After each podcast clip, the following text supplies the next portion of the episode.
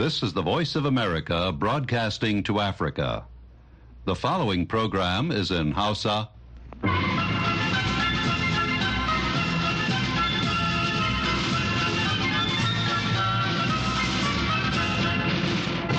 Sashen Hausa na murya Amurka ke magana daga nan birnin Washington DC.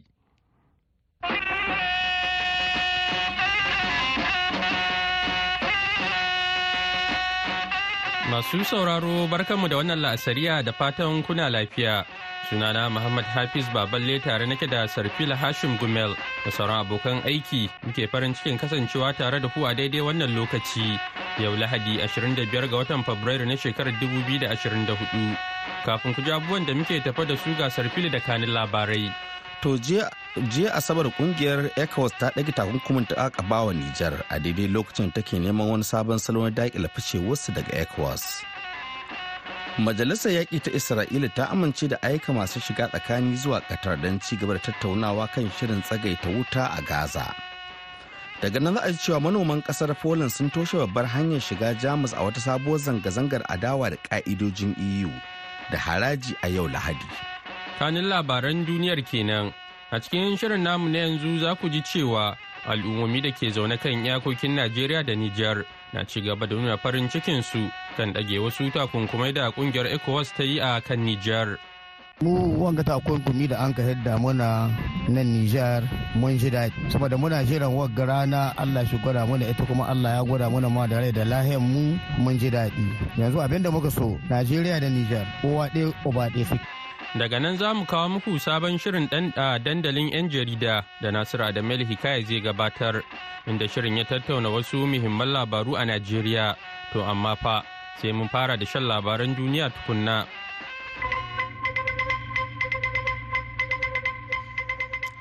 To jama'a salamu alaikum da fatan an yi na lafiya ga labaran duniya. Jiya asabar ƙungiyar ƙasashen yammacin afirka ta ce ta ɗage takunkuman ta akaba wa nijar. A daidai lokacin take neman wani sabon salo na daƙila ficewar ƙasashen uku da ke ƙarƙashin mulkin soja daga ficewa daga ƙungiyar ta siyasa tattalin arziki matakin da ke barazana ga haɗin kan yankin. Shugabannin ƙungiyar tattalin arzikin ƙasashen yammacin afirka ecowas sun gana domin tunkarar rikicin siyasa a yankin da aka yi juyin mulki a watan janairu inda sojojin nijar da burkina faso da mali suka yanke shawarar ficewa daga ƙungiyar mai ƙasashe mambobi goma sha biyar bayan tattaunawar sirri ecowas ta ce ta yanke shawarar ɗage takunkumin ta agaba wa nijar da suka da rufe kan iyakokin ƙasar takunkumi kan babban bankin ƙasar da kaddarorin gwamnati da kuma dakatar da hada-hadar kasuwanci nan take. A cikin wata sanarwa ta fitar ta ce an yi hakan ne saboda wasu dalilai na jin ƙai amma za a ɗauki matakin a matsayin sassauci yayin da ƙungiyar ecowas ke ƙoƙarin shawo kan ƙasashen uku na mulkin soja su ci gaba da kasancewa cikin ƙawancen da aka kwashe kusan shekaru hamsin ana yi. Jiya asabar majalisar yaƙi ta isra'ila ta amince don aika masu shiga tsakani zuwa qatar don ci gaba da tattaunawa kan shirin tsagaita wuta da kuma dawo da wasu mutane kusan 130 da aka yi garkuwa da su a gaza in ji jami'ai da kafafen yaɗa labarai na cikin gida. Wakilan isra'ila sun koma ne a jiya asabar daga tattaunawa zaman lafiya a birnin paris inda a ranar juma'a suka gana da masu shiga tsakani a qatar da masar da kuma waɗanda suka taimaka wajen haɗa kan tsagaita wuta da aka yi a watan Nuwamba. Inda aka sako da dama daga cikin waɗanda ƙungiyar Hamas ta yi garkuwa da su domin neman sakin fursunonin Falastinu. Majalisar Yakin ta gane a ranar Asabar don jin cikakken bayani kan tattaunawar, in ji mai ba da shawara kan tsaro tafi Hanibi. Yau Lahadi rundunar sojin Ukraine ta ce Rasha ta yi asarar dakaru 409,820 a Ukraine a yaƙin da ta kwashe shekaru biyu tana yi kan Ukraine. Babban hafsan hafsoshin sojan ƙasar Ukraine ne ya wallafa asarar da Rasha ta yi a wani rahoto a shafin Facebook. Bugu da ƙari, rahoton ya kuma ce ƙasar Rasha ta yi asarar sojojinta 819 a ranar da ta gabata. Rasha dai bata ce komai ba.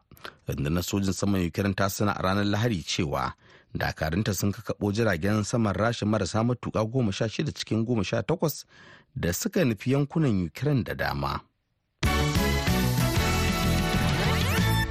To nan ba da jimawa Sarfilo zai sake da mana da ƙarshen labaran duniyar, amma kafin nan bari mu buɗe taskar rahotanninmu. yayin da ƙungiyar raya tattalin arzikin ƙasashen afirka ta yamma ecowas ta ɗage wasu takunkumai da ta kakaba wa jamhuriyar niger bayan wani taro na musamman da ƙungiyar ta gudanar a ranar asabar a abuja babban birnin tarayyar najeriya kan zaman lafiya da siyasa da kuma tsaro a yankin ƙasashen ƙungiyar al'ummomi da ke zaune kan iyakokin najeriya da niger dai su nuna farin cikin su kan wannan mataki da ecowas ta ɗauka. Daga birnin kwanni ga rahoton da wakilin haruna mamman bako ya aiko mana. Biyo bayan sanarwar ɗage takunkuman da ƙungiyar bunƙasa tattalin arzikin ƙasashen yammacin nahiyar Afirka ECOWAS ko sai dai yawo ta ba da a kammala taronta a hedikwatar ta da ke Abuja birnin tarayyar Najeriya a ranar Asabar da gabata. Yanzu haka ɗaya daga cikin fannonin da mazamna iyakokin Nijar Najeriya suka sakawa idanuwa shine kasuwanci ta la'akari da yanda abin ya tagayyara a tsawon watanni bakwai da Nijar ke cikin takunkumi. Malam Musa Idrisa Kado mai inkiya Oja masanin harkokin ƙasa da ƙasa ne na cewa wannan abin ya yi kyau saboda kowace ƙasa ba za ta isar makanta ba. Saboda duk ƙasashen duniya hulɗa da su yana da muhimmanci kuma yana da kyau saboda hulɗa da ƙasashe na makwabta abu ne mai muhimmanci kenan ya kamata mutane su san da abun da an kai na maraba da wannan abu kuma Allah ubangiji sa shi ya alheri da ƙasashen mu da mu da Nigeria duka da wanka tashi duka makwabta saboda ka gani fannin kasuwanci fannin zarga-zarga da mutane talakawa kowa da wadata. Wannan yana da kyau saboda in ba haka an kai ba saboda kowa tsakanin mu da mu da su kowa ya wahala. A nasu ɓangaren 'ya'yan Najeriya da na haɗu da su a kan wannan iyakar ta Nijar da Najeriya a yau ranar kasuwar ƙasa da ƙasa ta Ilela Local Government da ke tattara jama'ar ƙasashe da dama na nahiyar Afirka ta yamma sun yabawa cire wannan takunkumin da ECOWAS ta wa Nijar. A matsayin na ɗan Najeriya mun ji daɗin fidda wannan takunkumi da aka sama ainihin ƙasa domin ci gaba ainihin ga kowace ƙasa domin a ji daɗin zamantakewa. Saboda haka yanzu babu wani abun da za mu yi illa muna gode ma Allah maɗaukakin sarki da Allah ya kama su wannan tunani na ainihin buɗe wannan boda domin mu samu ci gaba tsakaninmu junanmu. ne Ibrahim Mai Grace ƙwarai nike local government. Kuma muna godiya sosai kuma muna matuƙar jin daɗi. Wallahi muna godiya kuma muna matuƙar jin daɗi irin wanga al'amari da ya samu na farin ciki. Wallahi mun yi murna sosai. Tunda farko muna cikin hawala'i wallahi. A ce ba a ƙetarowa kuma ba a shiga. Mu mun shiga hawala'i. Tunda mu dai nan nan Nijar nan na a wurin neman abincin mu wallahi. Cin mu da shan mu nan na Allah ya sa yake kuma nan na muke neman shi. Kuma Allah gwargwadon hali muna samu. A nasu ɓangaren 'yan Nijar da ke wannan iyakar ta ƙasa da ƙasa sun godewa wannan matakin na cire takunkumi wa ƙasar su. Mu wanga takunkumi da an ka yadda muna nan Nijar mun ji daɗi saboda muna jiran wagga rana Allah shi gwada muna ita kuma Allah ya gwada muna ma da rai da lahiyar mu mun ji daɗi. Yanzu abin da muka so Najeriya da Nijar kowa ɗaya uba ɗaya suke saboda mi mu dai tun ba a mu ba mu iske ta haka yanzu kuma da Allah ya yi muna yawancin rai yanzu ga ana son a haɗa su a gama su kuma Allah ba zai yarda ba. Zabura. mun ji daɗi wanga al'amari da an ka zo ƙarshe na buɗe foda ta Najeriya. Alhamdulillah wallahi abu yayi yayi wallahi. Kuma gwamnatin Najeriya Allah shi ya albarka da shi tsakanin wanga al'amari an ka daidaita wallahi. Yayi mun ji daɗi wanga abu wallahi wani Allah ba zu wallahi. Shi ma wani ɗan ƙasar Benin da ke zamne a jamhuriyar Nijar cewa c'est béninois. Donc je vis actuellement.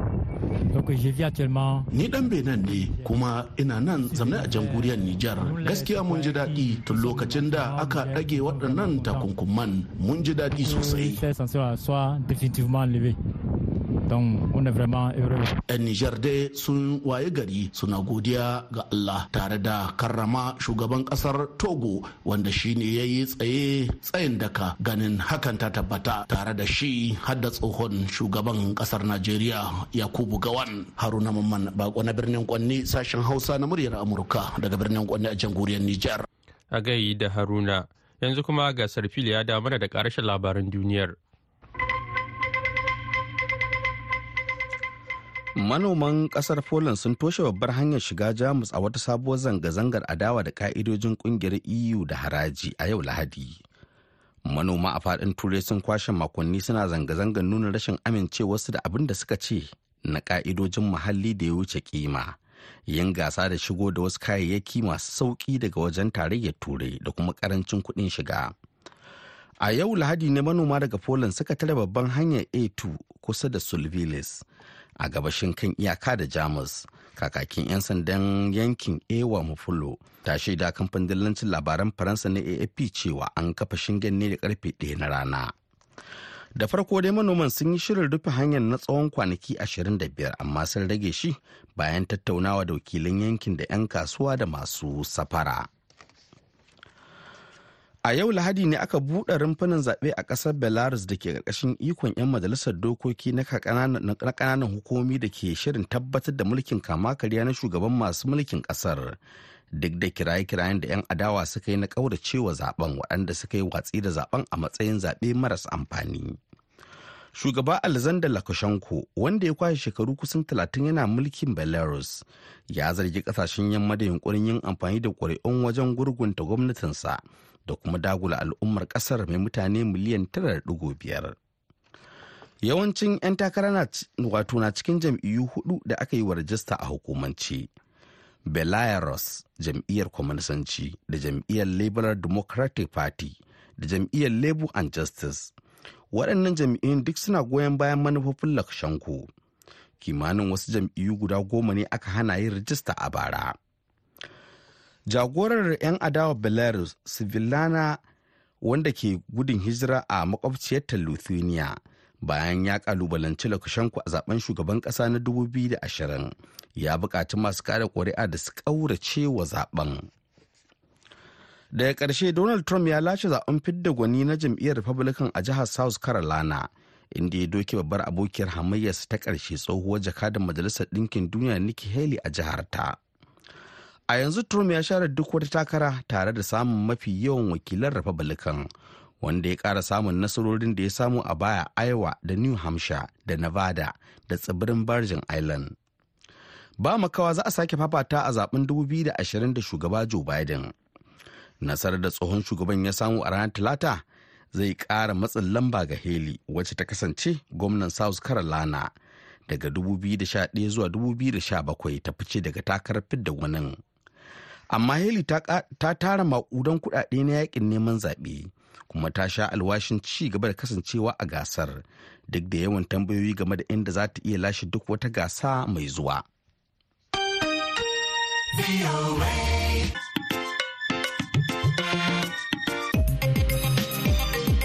Labaran duniya kuka saurara daga nan sashen Hausa na murya Amurka a birnin Washington DC.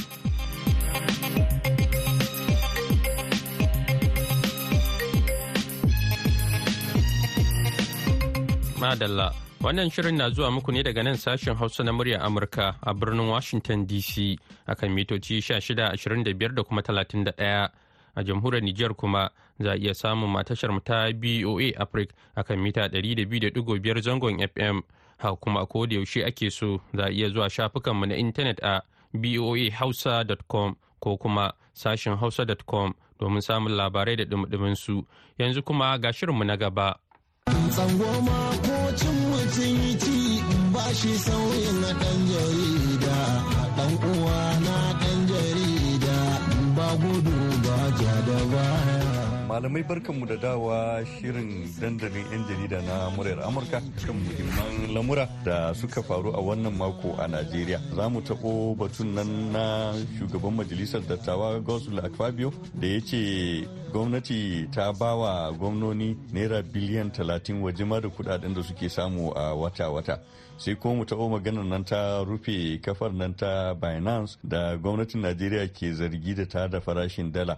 Sannan wataƙila muna da lokaci sai mu taɓo rahoton hukumar zaɓe da ke nuna dalilan wannan shafi na tattara sakamako na na'ura bai yi aiki ba zaɓen 2023 da ya gabata. Muna tare da hayatu husaini wanda ɗan jarida ne mai zaman kansa abuja ma yana aiki da jaridar nan ta neptune. Sai kuma jamilu bala muhammad wanda shi ma ɗan jarida ne mai zaman kansa abuja. Hayatu me za ka ce kan wannan ikirari da shugaban majalisar dattawa ya kan gwamnoni? Malam Nasiru wannan ikirari da shugaban majalisar dattawa Sanata Gospel Abafio ya yi to a halin gaskiya dai in dai babu kanshin gaskiya ba zai fito ya wannan magana ba amma da ya wannan bayani sai gwamnan oyo shayi makinde ya fito ya kalubalanci shugaban majalisar dattawa da cewa wannan magana da ya ba haka yake ba. Su gwamnoni ba wanda ya ba su wannan kuɗi saboda ya ce yanzu ba lokacin siyasa ba ne lokaci ne na serious aiki. So saboda haka ya ce wannan abu ne wanda zai iya kawo rudani a tsakanin jama'a. Su fa su wakilai ne na jama'a. Suna shugabannin jama'a ne ba kuma wai sun zo su yi wasa ba ne jama'a suka zaɓe su. Amma duk da haka tun da dai shi 'yan najeriya kowa sun je a sashen da shugaban majalisar dattawa ya da shi kuma gwamnan oyo ya ce a madadinsa na gwamnan oyo da kuma mataimakin taron gwamnoni na najeriya. Yake magana ya ce kuma ya tsaya tsayin daka a wannan magana baya baya janyewa da baya. To amma ni abin da nake gani shine in dai zancen cewa ba ba su kuɗi ba da gaske ne yadda ya faɗa da ya kamata wayansu gwamnoni kamar gwamnan borno gwamnan niger ko kuma gwamnan katsina wayanda ake ga yanzu su ne suke kan gaba wajen a arewa especially ma arewa yanda suke da kuzari jama'a na yaba su. Ya kamata a ce su ma sun fito sun mai da martani nan sai mu yadda cewa ba a ba su kuɗin ba saboda shi yana cewa ai hukumar everest ita mai tara kuɗi ne ya za a yi a ce ita ta ba su kuɗi bayan akwai kaso da gwamnatin tarayya take ba su wata-wata. Wato wannan ma dai ya nuna kusan shi ya yi magana ne a matsayinsa na gwamnan jihar Oyo kawai kuma na jam'iyyar PDP sannan in mun duba shi ma Gosul Akpabio ya tsohon gwamna ne na jihar Akwa Ibom. Jamilu Bala Muhammad me zaka ce kan wannan martani da shi shai makin da kan bayanan an Akpabio? To da farko dai ma Nasiru wannan ikirari na shugaban hukumar dattijai ko majalisar dattawa ta tarayyar Najeriya Gospel Fabio wato fasa kaman fasa kwai ne. Za ka iya kira ya fasa kwai? Wani abu ne aka yi a rufe ba a sani ba amma tun da shi yana da masaniya ya faɗa wa 'yan Najeriya ga abin da ake ciki. Kuma duba da cewa 'yan Najeriya suna ta kuka na cewa hauhawan kayan masarufi da matsin rayuwa ko kuma tsadar rayuwa. To sai ya zo ya ce gwamnatin tarayya ta ba wa gwamnoni waɗannan kuɗaɗe biliyoyi har talatin. To ai ba abin za mu ce masu sai dai mu gode mata da ya faɗa. Kuma a matsayinsa ba zai karya ba irin wannan batu mai babba ya faɗa cewa an ba da kuɗin nan ba alhali ba a ba. Kamar yadda shi gwamnan oyo makin dai shayi makin dai ya fito yake nema ya karyata. To mu a najeriya ba wawaye ba ne.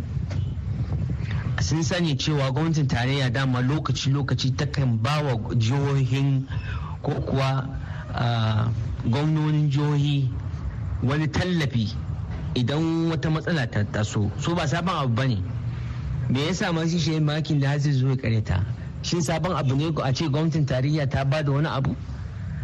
Dama wasu lokuta ta faɗa kowa ya sani duk duniya ta sani. Wani lokaci kuma ba dole ba ne isu isu take sai wanda suke cikin gwamnati ne za su san an yi haka. To lalle kam 'yan najeriya suna nan suna sun zuba ido sun zuba gwamnoninsu ido su gani cewa shin gwamnonin za su fito da waɗannan kuɗaɗe da aka ce an ba su domin su rage wa 'yan ƙasa ko 'yan jihar su raɗaɗin halin kakanikaye da ake ciki? Wannan kawai shi ne. Yawa jamilu bari mu koma kan darasinmu na biyu don kada mun ji wannan mu dan yi amfani da lokacin gaba ɗaya mu tattauna sosai. Kan wannan hayatu an rufe wannan dandali na binance wanda ya haɗu da irin dandali irin na su crypto ɗin nan. Da gwamnatin najeriya ke zargi cewa suke tada farashin dala kuma gwamnati na gani wannan wani mataki ne mai muhimmanci. Duk da su ma 'yan canji sun yi kira cewa a rufe waɗannan sassa ɗin. Yaya ka ga wannan matakin ya tasirin sai Eh, Ali gaskiya wannan yadda matakin da suka ɗauka daidai ne saboda shi harka wannan crypto ma gaba ɗaya ba shi da fa'ida a gare ni. Saboda in ka lura ya ƙara mai da mutane sakaltattu yawancin matasa wannan harka yawanci yanzu duk sun mai da shi shine harkar neman kuɗi. Suna samun kuɗi ne kamar za mu ce kuɗin banza tunda ba kai wuya ba sha wuya ba kawai kuɗi na shigo ma. To amma kuma a wani shafi da na gani wani mai hasashe yake ba da labari a daren da aka ce a gwamnatin tarayya ta rufe crypto ya ce lokacin dala ta kai naira dubu ɗari da casa'in da ɗari tara. Tana ƙoƙarin ta shiga dubu biyu. Amma a daren sai na gane cewa dala ta faɗi ta koma naira dubu ɗaya da ɗari uku. To amma ban tabbatar ba saboda a lokacin ka san nan zonfo wajen yan canji su ma hukumar efcc ta zo ta mamaye su kwana biyu ba su fita ba ban san ko ya sun fito ba. To kaga ba za ka iya cewa tunda babu hada-hadarta cikin kasuwa ba za ka iya tabbatar da gaskiyan zance ba. Amma ni ina goyon bayan rufe wannan crypto da aka yi. Saboda ba shi da wani fa'ida nake gani. Kuma amma ni a wanda abin da nake gani wannan tashiwan dala Malam Nasiru ana magana a faɗi gaskiya in dai gwamnati da gaskiya take. Ai manyan ma'aikata ma'aikatan gwamnati yawanci manya ma dai wanda suke da hannu a cikin gwamnati su da suke da dala suke bayarwa a siyo ta da sauƙi a cikin cbn su zo su sai da ita. Ma 'yan kasuwa 'yan kasuwa su ma misali ba yanzu ka ka sai abu ne kai ma ka kasa ka sayar. Amma zuwa ce wai su za ana sayarwa ai an sai da abin yake faruwa. Kuma halin misali yanzu da nake gaya maka a taƙaice yanzu dalan ma babu ita. Babu dai dalan ma yanzu a ƙasa. Kowa ya ma akwai wato babu ita ma babu ita ma bare wani rufewar wannan dandalin. Wato babu ma dalar bare rufe dandalin a ga yanayin tasirin sa a zahiri kenan. Kwarai kwa ai to dubu dala ai tun sun riga sun yi latti ai. Dala bayan masu diban dala sun diba sun ɓoye ai babu ita a kasuwa. Dama mutane mutane ke fitowa da ita. Tun da an sa wanda ake ba su su sayar su ma su sayar su sayar an tare su to masu kawo ai ba su kawo ba. Eh jamilu bala muhammad duba mana irin wannan batu na dala. Kullum shaki danganta da tashin farashin kayan masarufi a najeriya. In kuma kayan sun tashi ba sa kara sauka ko da an ce dalar ta dan sauko. To ni na gani wannan rufe wannan kafa ta binance da gwamnati ta yi wai don dala ta sauka ko kuwa suna zargin su da wani abubuwa. Ina ga wannan ba shi ba ne. Ƙwararru akan sanin tattalin arziki da kuma sanin yadda za a farfado da kuɗin ƙasa sun yi bayanai da yawa. Kuma suna nan suna ta bayanai. In ka kula wannan bai kawo karewar dala ba ba kuma shine zai kawo ba kuma ba shine zai rage ko ko zai bawa kuɗin najeriya wani tasiri ko wani ko wani mahimmanci ba.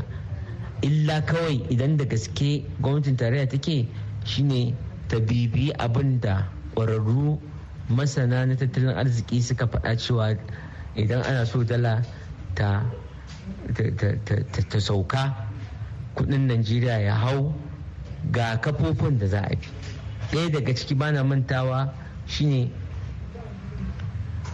kai kayan masarufi kayan najeriya ƙasashen waje a ringa sayarwa ana karɓo dala. Wannan ɗaya ne daga ciki. Akwai kayayyaki na noma ko amfanin noma da wa'insu ma'adanai da wa'insu abubuwa da idan da najeriya ko 'yan najeriya an ba su dama da gwamnatin tarayya ta ba da dama ana kai irin wannan ƙasashe ana sai da su a farashin ƙasashen waje musamman dalar.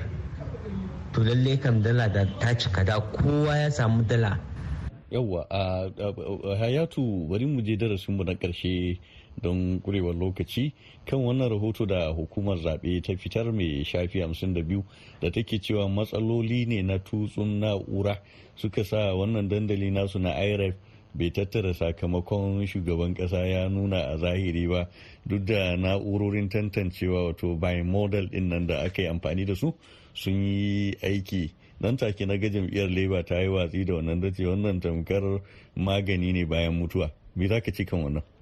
To ya mallam nasiru wannan duk zance shirme ne ma gaba ɗaya ai shi shugaban hukumar zaɓe mahmud ya riga ya yi bayani tun wata huɗu kafin zaɓe lokacin da ya nemi kuɗi na aikin zaɓe. Ya je majalisar dattawa an tambaye shi nawa kake buƙata? Ya faɗa me za ka yi da kuɗi? Ya faɗa ya ce sun shirya. Ga abin da za su yi ga abin da za su yi. Kuma aka bashi duka abin da yake nema an bashi ka tuna ba lokacin na ba mu talaka najeriya kuɗi ma hannun mu babu.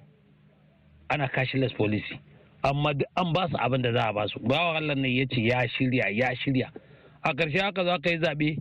In ka lura wajen wajen tattara sakamakon zaɓe ya zama na wakilin jam'iyyar adawa ta pdp ma fita ya fice a cikin wajen tattara sakamakon zaɓe saboda ai dino malayi. To in ka lura ai daga lokacin ma kowa 'yan najeriya duk ai muna da hankali. Kuma abin da muka zaba su ai ne kuma abin da suka yi daban. Amma ni ba zan ce ba zaɓin 'yan najeriya ba ne aka aka faɗa. Amma dai abin da aka yi kamar yadda ya faɗi ba sinsa su kuma jam'iyyun adawa suka ce su yanzu da ya fitar cewa su cewa suke ai an yarin gizo ne an kara jam'iyya mai ci yanzu kuri'u su kuma an daƙile musu kuriyarsu. Wato mahayatu dama shi kamar jam'iyyar labour din ta ce ai abun bai shafi sakamakon majalisar wakilai da dattawa da aka yi a rana ɗaya ba. Abun kawai ya shafi zaɓen iya na shugaban kasa ne kawai shine ba a ga sakamako a wannan na'ura ta irec ba. Eh to dama ai kuma an ka lura duk yan najeriya ai kowa ma gaba ɗaya ma hankalinsa duk yana kan wannan na shugaban kasa ne. Yayin kan lura zaɓen ai da farko da aka yi duk mutane ai zaɓen ba wanda duk kowa ya sa hankalinsa a kai irin zaɓen shugaban kasa to amma su da suka zo suka yi haka kowa zai ɗauka cewa akwai abin da suka shirya. Jamilu bala muhammad duba mana wannan abin da hukumar zaɓe ta yi a daidai wannan lokaci bayan ma kotun koli dama ta yanke hukunci wannan maganar ta mutu. Akwai wani tasiri da zai yi ne kan lamuran zaɓe koya to wannan rahoto mai shafi hamsin da hukumar zaɓe ta fitar a yanzu a wannan lokacin a bayan an gama zaɓe an gama shari'a. Saboda haka dama dai ita hukumar zaɓe ma bata ma ƙara taso da wannan maganar ba. Don fama ciwo ne. Kamar an taɓa wani ne ya gama kukansa ya shafe ya yi mai an zauna lafiya sai kuma nan gaba sai kuma a ƙara taɓo shi. To dama ba su taɓo shi ba. Amma dai tunda hukuma ce wacce dole ne dama duk lokacin da aka irin wannan takan ba da cikakken bayanai a rubuce na abin da ya gudana na zaɓen da ya shige. Ina ga iya waɗannan dama su ne darussan namu kuma lokaci ya riga ya harare mu sai wani karan in mun samu dama za mu sake dawa wannan zauren. A madadin sashen hausa na muryar amurka a cikin wannan shiri na dandalin 'yan jarida ni nasiru adamu ali kaya da na shirya kuma na gabatar ke cewa wassalamu alaikum.